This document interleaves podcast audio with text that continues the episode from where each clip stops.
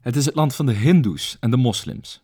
Het is het land van de saris en van de sandalen. Het staat bekend om haar rijke cultuur en om haar lange historie. Maar het is ook een land waar het kastensysteem zorgt voor grote verschillen tussen de sociale lagen in de bevolking. Maar toch, naast de bittere hardheid van het bestaan van velen en van de vervuiling in de miljoenen steden, lijkt de snelle economische ontwikkeling onstuitbaar. Vandaag in Met een Korreltje Zuid, India. Dit is Met een Korreltje Zuid. In deze podcast nemen we je wekelijks mee naar internationale obscuriteiten en geopolitieke uithoeken. Ongezouten, maar met smaak. Wij zijn Max en Auke. Welkom. Ja, dat is wel een, een soort gebruik, toch, in India. Om, eh, ja, dat het niet zo gek veel uitmaakt of je nou in een, een keramische bak eh, staat te schijten of, of in de open lucht. Oké, Max, ik eh, heb mijn kraakstoel trouwens even weggedaan, want ik hoorde wat gekraak in de vorige podcast. Ik sta nu. Ik, Oei. ja, de energie die giert weer door mijn lijf. Ehm, wij proberen altijd de wat obscuurdere hoekjes van ons aardbolletje op te zoeken. Eh, Ja. Ik noem een Kiribati, ik noem een Liechtenstein. Ehm, dat soort plekken, daar Ja. komen wij toch eh, graag in onze dat zijn gedachten. onze specialiteiten. onze specialiteit. Nagorno-Karabakh ben je ook nog fysiek geweest. Dat is allemaal top. Wat we ook doen is we praten over de grootmachten. China, Ja. Amerika, eh, de Europese Unie, de NAVO, noem het allemaal maar op. Komen allemaal aan, aan bod. Maar eentje, één hele belangrijke speler in het economische en politieke veld. Daar hebben we eigenlijk nog eh, bijna niks over gezegd. En dat is India. Ja. Ja. En ik denk dat dat alles mee te maken heeft dat India een, een vreemde eend in de bijt is als het gaat over eh, wel heel erg groot en toch relatief eh, machtig zijn, maar Mhm. niet zo heel erg opvallend. Ja, ze zijn misschien een beetje... Obama zei ooit over Nederland dat we are a country that's punching above its weight. Mhm. eh, een klein landje doet toch mee op de wereldtop. Mhm, Misschien dat India een beetje punching under its weight mhm, eh, aan het doen is. Ja, Heel groot land, heel veel potentie, maar weet toch nog op de een of andere manier niet helemaal die volle potentie te pakken. maar daar komt wel snel verandering in hoor. Laten we bedoel, het eh, hopen. Ja. Nou ja, goed, dat laat, dat laat de data natuurlijk ook zien. Eh, Ja. Snelle stijging van het, eh, van het GDP. Mhm. En eh, heel veel mensen die op hele korte tijd uit een soort poverty trap getrokken worden. Dus dat komt helemaal goed met die mannen. Maar nu is dus een van de dingen waar we het vandaag over gaan hebben het volgende. Namelijk, zij hebben een cultuur, eh, over het algemeen een Hindoestaanse cultuur, waarin ook zoiets als een kastenmaatschappij bestaat. Zo, En volgens ja. mij is dat niet helemaal wat je moet hebben als je mee wilt doen in de wereldtop. in, ja, in de moderne wereld. Ja, ze hebben dat systeem nu een, een jaar of duizend, dus dat zit er al, eh, zit er al goed ingebakken, enkele generaties. En het, het is een systeem ja, van kasten, maar kasten zijn natuurlijk een soort ehm, ja, sociale lagen. In principe Mhm. hadden we natuurlijk in Nederland ook zoiets. Zou je, je zou het misschien kunnen vergelijken met dat je hier de mensen van adel had. Ja. Nou, die stonden boven de rest. Zo, Ja, zo was en- het natuurlijk vroeger. En leenheren en, ja. Pachters. En ja, en dan had je nog de bisschop, die het ook feodale stelsel. Eh, zij hebben een, een kastensysteem met eigenlijk ehm, vier, vier eh, onderscheidingen. En de hoogste zijn de Brahims. En dat Mhm. zijn dan de priesters. Eh, die, die zitten helemaal aan de top. Die zijn zo verheven. Die zijn in direct contact met de goden. Ja, daaronder zitten dan de, de warriors, heet dat. Dus dat, ja, nou goed, de warriors. Daaronder dan de, de, de kooplieden en de landheren. De En merchants, daaronder de gewone man. De gewone man zat daaronder. Zoals jij en ik. Ja, goed, ik sta nou weliswaar in direct contact met God, maar ik ben een normale vent. Juist. maar dan denk je, nou, dan heb je het gehad, een top, duidelijk. Maar nee, daaronder weer, onder de gewone man, zit nog een soort verborgen kasten. Ze willen het eigenlijk niet eens een kasten noemen, want die mensen die, die worden ook wel on- de, de onaanraakbaren genoemd, de untouchables. Dat zijn Mhm. de, de Dalits. Dalits. Wat, dat vind ik trouwens, ik, ik val je meteen in de reden. Ik vind dat een beetje contra-intuïtief dat je dus de mensen die helemaal onderaan staan, de untouchables noemt. Nou zo? Ja, omdat ik, dat je, ik zou zeggen, de untouchables, dat zijn de mensen die zo hoog zijn dat ze Ah. not touchable zijn. Maar deze... Ja, nee, maar het, het, het komt er voornamelijk... eh, ja, ja, ik snap hem. Maar het heeft, het heeft meer te maken met het feit dat die untouchables, die doen werk... Die zijn er, die, hè, volgens de, het, het kastensysteem, die zijn voorbestemd om werk te doen... eh, waar jij en ik, of de, ja, de Brahims, Mhm. eh, die willen dat niet aanraken. Dus ze werken vooral met het, eh, ja, het, het afvoer, afvoerputjes, dode dode, dieren. dode dieren vervoeren, dode mensen zelfs. Dus dingen die je niet aan wil raken. Poep Mhm. en pis en, en Mhm, mhm. dat, soort, dat soort zaken. Dus daar komt de term untouchable. eh. Wat is de kern van de zaak bij, die, bij, die- bij dat kastensysteem? Zeg maar? Wat is daar de hele clue achter? Waar komt dat vandaan? Is dat zuiver een religieuze aangelegenheid? Of is dat, een, is dat ooit een keer door een of andere eh, mogul eh, ingesteld? Hoe werkt dat? Ja, het is uiteindelijk toch een beetje een soort wisselwerking tussen een politiek systeem als wel een religieus systeem. Dat zie je natuurlijk bij veel religies, dat het elkaar een beetje in stand houdt. Mhm, mhm. Nou ja, het is, het is officieel dus in 1950 ehm, ah, ja, illegaal gemaakt, uitgebannen volgens de grondwet. Ja, en het, het, het bestaat nu dus duizend jaar. En Mhm. ik moet zeggen, het is vooral onder het juk van de Britse kolonialisten, dan heb je ze weer, dat dit systeem echt diep geworteld raakte. Volgens de geschiedenis ehm, bestond het kastensysteem natuurlijk al voordat de Britten daar kwamen, maar had het niet zo'n heftige impact op de, op de Indiase samenleving. Maar die Britten die zagen hun kans schoon. Die dachten, ja, dat is mooi. Als je al die mensen vet hard gaat segregeren, ja, dan speel je ze elkaar ook een beetje uit. En dan heb je ook nog een, een hele groep mensen die al dat scheidwerk voor je doen. Dus die, die hebben dat heel diep in die samenleving eh geënforced. Veel mensen daar eh, ja, op gewezen van, hey, jij bent van de hoge kasten. Dus ja, je moet niet in aanraking komen met mensen van lagere klassen. Maar dus letterlijk niet in aanraking, toch? Tenminste, ik zag... ja, eh, ja die, die, hoogste, die hoogste klasse die, die wil letterlijk niet in aanraking komen met die Dalits, die, die untouchables. Dus er zijn verhalen van... Nou, dit, de, de extreme verhalen zijn van, van, van de untouchables die langslopen en dus de schaduw van de untouchable die, die valt over de, over de, de Brahim. Mhm. En, die, en uiteindelijk werd die Dalit daarvoor bestraft. Van, jij liet je schaduw op een hogere persoon vallen. Dat is, Ja, dat snap ik, ook, niet. snap ik ook wel hoor. Kom nou. Ja, nee, er valt natuurlijk wat voor te zeggen. ja vent staat in direct contact met God, hè. Dan ga je met je schaduw er, er doorheen eh, wandelen. Kom nou. ja, onbeschoft. Ehm, maar meer recentelijk eh, zie je dat, dat het gewoon nog steeds wel vorm heeft eh, als ja, sowieso niet met elkaar in contact komen. Maar bijvoorbeeld ook die, die, die hoogste klasse, die eet geen vlees. Want dat vonden ze iets voor de, de untouchables. Die, want die werkten met dood, dood vlees. Dat is onrein, dat is vies. Nou ja, uiteindelijk in 1950 heeft eh, India een nieuwe grondwet gemaakt. Toen zagen ze wel in dat dit toch niet een heel goed systeem was. En hebben ze het eh, verbannen. Dus officieel, officieel is het kastensysteem er niet meer.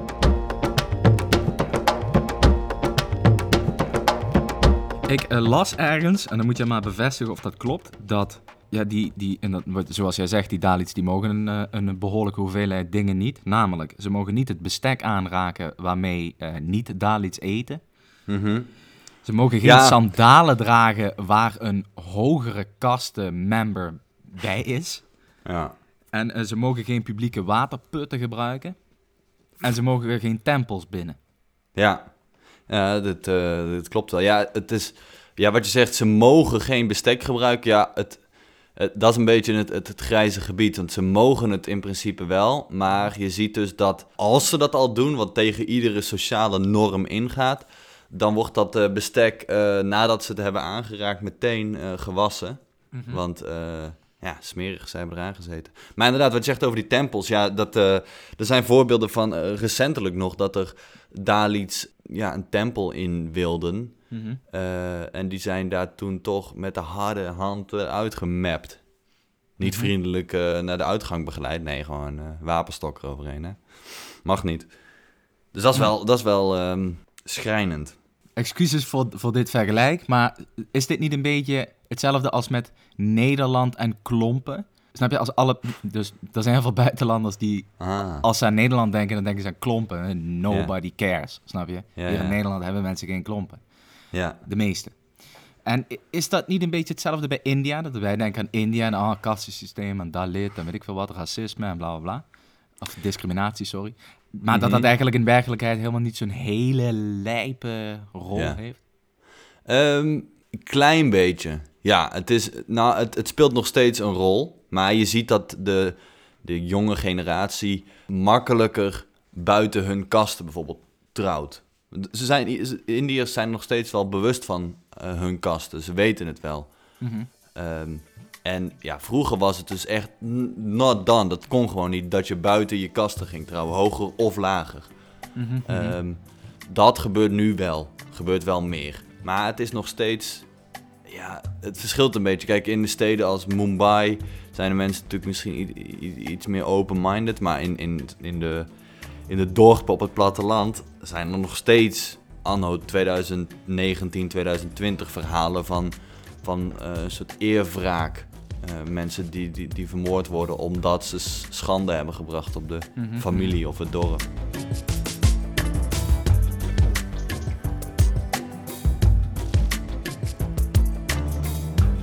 Je zei net dat die Dalit zich bezighouden met allerlei, eh, ja, laten we zeggen, viezere taakjes. En dat dat Ja. daarom, en dat is natuurlijk ook een van de redenen waarom mensen op die, die klasse neerkijken. Mhm. Maar ehm, eh, een van de dingen die mij opvalt als ik naar programma's kijk over India of als ik een, eh, eh, eh, een, een stukje lees over India, dan gaat het vaak over eh, hygiëneproblematiek. Dus afgezien van het feit dat daar natuurlijk geen Van Ganzenwinkel eh, door de straten van Calcutta rijdt om het vuil op te halen. En dat netjes bij een stort... Ja, dat zal trouwens wel gebeuren, maar waarschijnlijk minder georganiseerd dan Van Ganzenwinkel. Mm. Eh, gewoon even een shameless eh, plug trouwens. Ehm, maar zij houden zich dus ook bezig met het schoonmaken van openbare toiletten. En Ja. plekken waar, dus, waar mensen zich dus... dus ja, plekken dus waar mensen scheiden. Ja. dus ik zeg het even heel oneerbiedig, maar dat is wel een soort... Ja, dat is wel een, een soort gebruik, toch, in India, om... eh, ja, dat het niet zo gek veel uitmaakt of je nou in een eh, keramische bak staat te scheiden of, of in de open lucht. Eh, ja, nou, we, we, we, we stip, we stipten het net in het begin van de podcast natuurlijk even aan.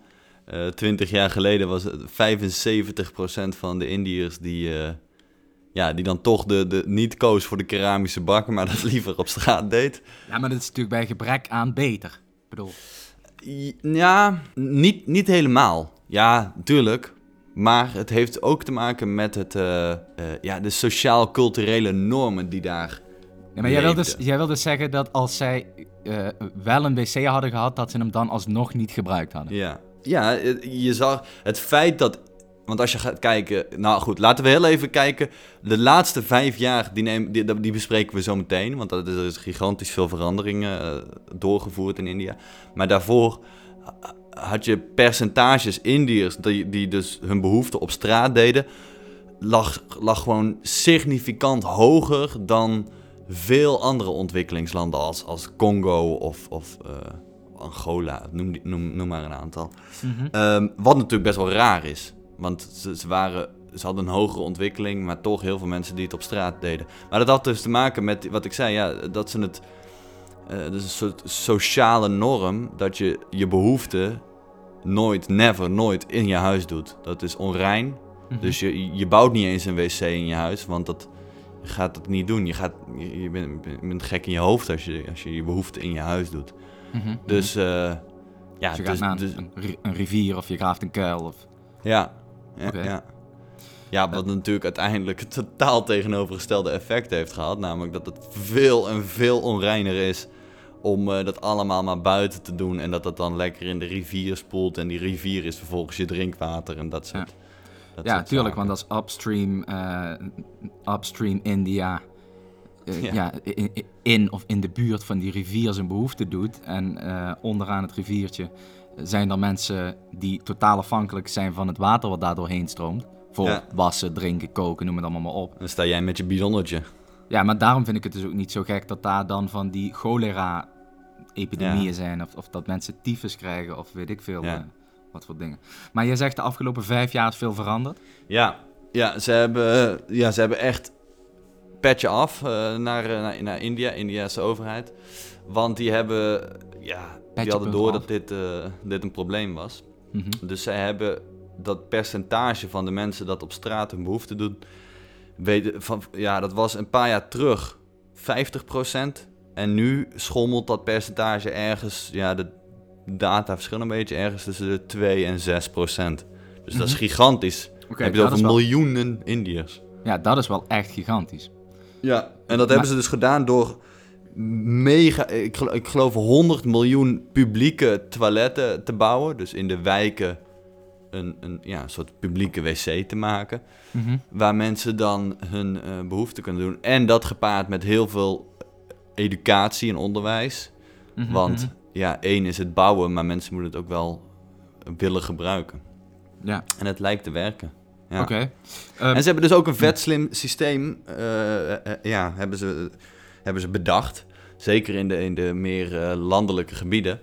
Eh, wat ze daar dan doen in die publieke toiletten. Want je kan, ja, het is heel moeilijk om, om een, natuurlijk een heel rioleringssysteem aan te leggen. Ook het is mega duur. mhm. Eh, dus wat ze daar doen is, ehm, ja, in die publieke toiletten zijn er eigenlijk twee putten. Mhm. ene put is, die blijft dicht, die andere is open. En door een heel, heel simpel rioleringssysteem belandt alle, ja, alle scheid in die put. Mhm. En eh, het duurt een jaar of twee ongeveer tot die put helemaal vol is. Mhm. Eh, en wat je dan doet, dan gooi je de deksel erop. En dan open je die tweede put, die is leeg. En dan ga je die gebruiken.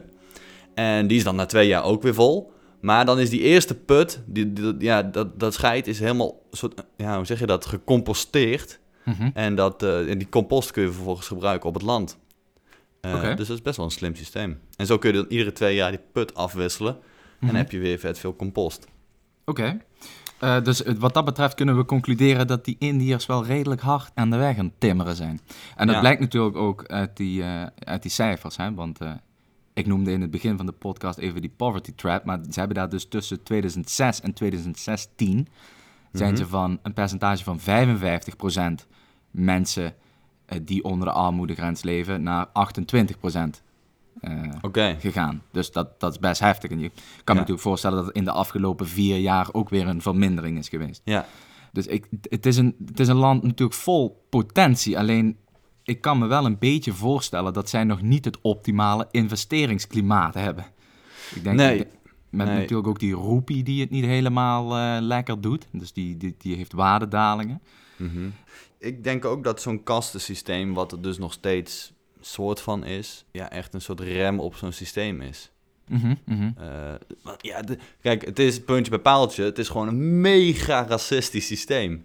Waar- Mhm. als ja, daar komt het op neer. Want we hebben het over dat, die Dalits de hele tijd. Dan hebben we het over 16% van de bevolking. Dat zijn ja, ongeveer 200 miljoen mensen. Dus Ja. dat is niet dat je... Ja, En dat zijn al die mensen die je ziet, eh, die, die, die, die grote schepen uit elkaar lassen, ja. eh, die de straten vegen. Die... eh, hey, trouwens, ik, even een, een, een, een anekdote waar ik nu op kom. Mhm. Eh, ik heb een keer een documentaire gezien over jongens die in, of mannen eigenlijk, jonge mannen, die in Mumbai naar de buurten gaan waar dan heel veel goudsmeden zitten.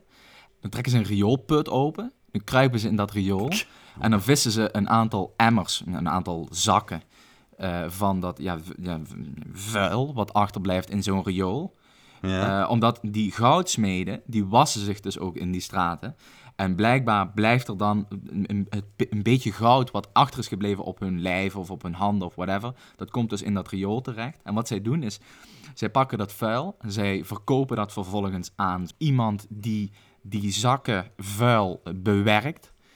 En daar vervolgens dan eh, van 30 zakken vuil uit een riool kan die aan het eind van de dag een klompje goud overhouden. En daar krijgen ze dan een bepaald, eh, ja, bepaald geldbedrag voor. Dus, ja, is mega vet. Natuurlijk wel mega gevaarlijk, want er zitten allemaal slangen, schorpioenen en, en allemaal gassen waar je helemaal lijp van wordt eh, in die rioolputten.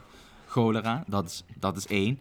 Maar wat ik zo prachtig vind aan die Indiërs, is dat het ontbreekt hun natuurlijk echt totaal niet aan inventiviteit. Want die gasten, overal maken ze wel een handeltje van, of ze verkopen dit, of ze maken dat gewoon, of ze...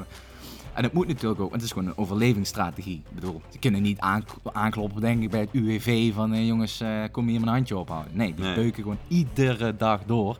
Ja. En eh, daar moet ik toch wel weer mijn petje voor afnemen.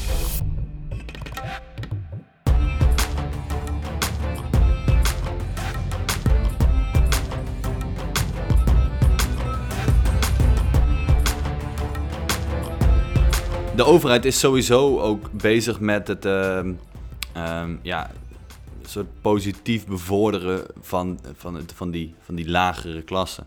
Dus eh, ze hebben allerlei projecten opgezet van dat, dat die Dalits ehm, makkelijker naar de universiteit kunnen. Dus die, hoeven die hoeven niet per se de hoogste grades te halen, de hoogste cijfers, maar die mogen dan met iets lagere cijfers mogen die ook naar de universiteit. Mhm. Ja, die Dalits zijn er natuurlijk vet, vet blij mee, want die hebben eindelijk eens een kans om iets verder te komen. Eh, ja, die hogere klassen die vinden het natuurlijk oneerlijk, want die zeggen ja, wij, wij, wij studeren ons suf en eh, met een beetje geluk komen we dan in de universiteit en zij krijgen het meteen in de schoot geworpen. Mhm, mhm. Ehm, ja, Het is een soort Dus mister. ja, ja, ja, ja, absoluut. Ja, het is hetzelfde wat je natuurlijk in Nederland eh, of veel andere landen ziet met het vrouwenquotum in de, in de bestuurlijke top. Maar ik, ik, ben, ik, ik denk dat ik er in het geval van India ben ik er eh, wel voorstander van. Want die mensen zijn gewoon echt... Ja, als je dus untouchable bent, dat je, dat je een pak slaag krijgt omdat, je, omdat jouw schaduw op iemand valt, dan, dan ben je wel dusdanig gemarginaliseerd. Dan mag je ook wel een keer, hè, mag je ook wel een keer geholpen worden. Ja. Ehm, het is nu heel cru als ik nu zeg, nee, eh, ze moeten ook gewoon hard studeren. Ja, er valt natuurlijk niks te, te studeren als jij iedere dag een straat moet schoonvegen. Dat, dat schiet niet op natuurlijk.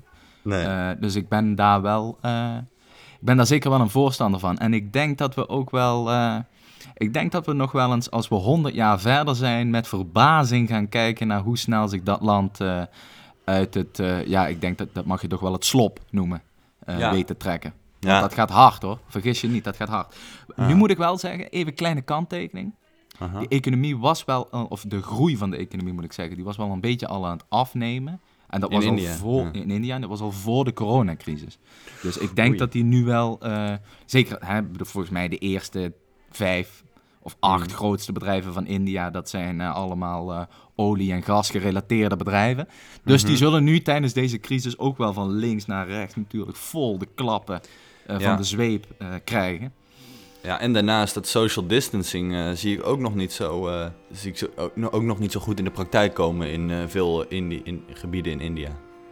Nee, nee, ik ga dat... Sloppenwijken met 100 man in een kamer zit. Ja, precies. En dan met slechte voorzieningen en alles. Ja. Tenminste, ik ga er niet vanuit dat een groot gedeelte van de Indiërs in een vrijstaand huis met een voor- en een achtertuin woont in een uh, V-Nex-wijk. Nee. De- Alleen de Brahims, denk ik, hè? Juist.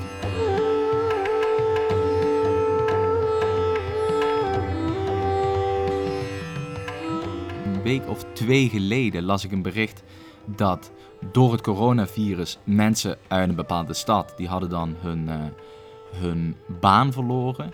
Mhm. En nou, die, hadden bij, die dachten bij zichzelf, nou goed, dan gaan we weer terug naar eh, onze regio waar we vandaan komen, ons dorp. Mhm. En het was een wandeling van 160 kilometer. Ook een wandeling van 160 kilometer, doe even normaal. Dat is, eh, In ieder dat, geval- is- dat, is net, dat, is, dat is de Vierdaagse. Juist.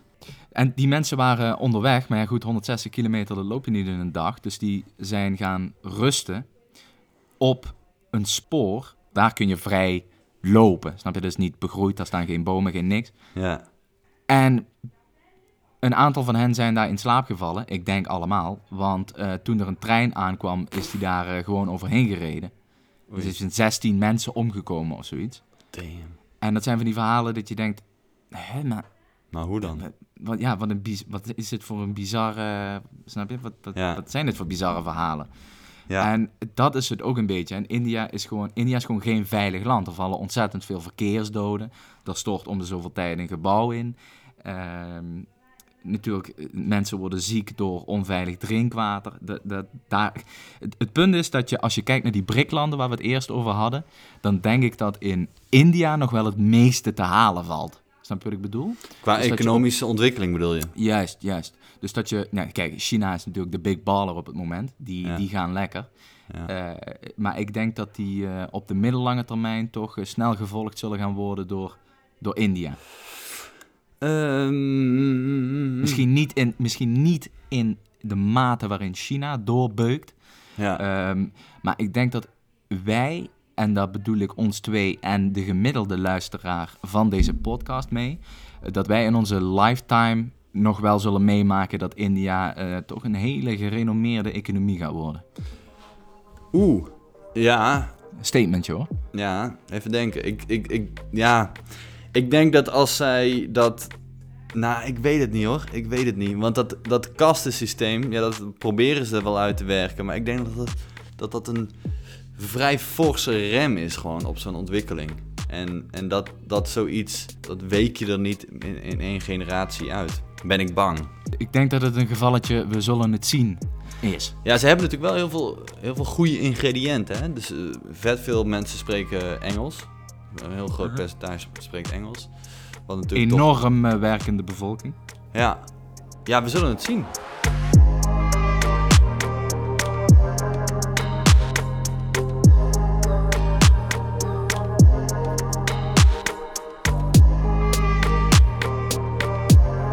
Of India een grootmacht gaat worden of niet, dat eh, ja, zal de tijd uitwijzen.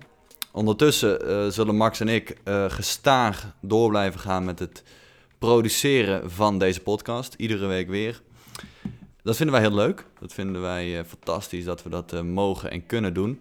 Fantastisch, jongens. Wil je ons nou steunen in deze quest, deze podcast trip? Dat kan. Dan kun je gaan naar www.petje.af slash korreltjesuit. En daar kun je een kleine donatie achterlaten. Dat zouden wij heel vet vinden. Eh, daar krijg je wat dingen voor terug. Eh, dus check vooral even die website www.petje.af slash korreltjesuit. En dan tot de volgende week.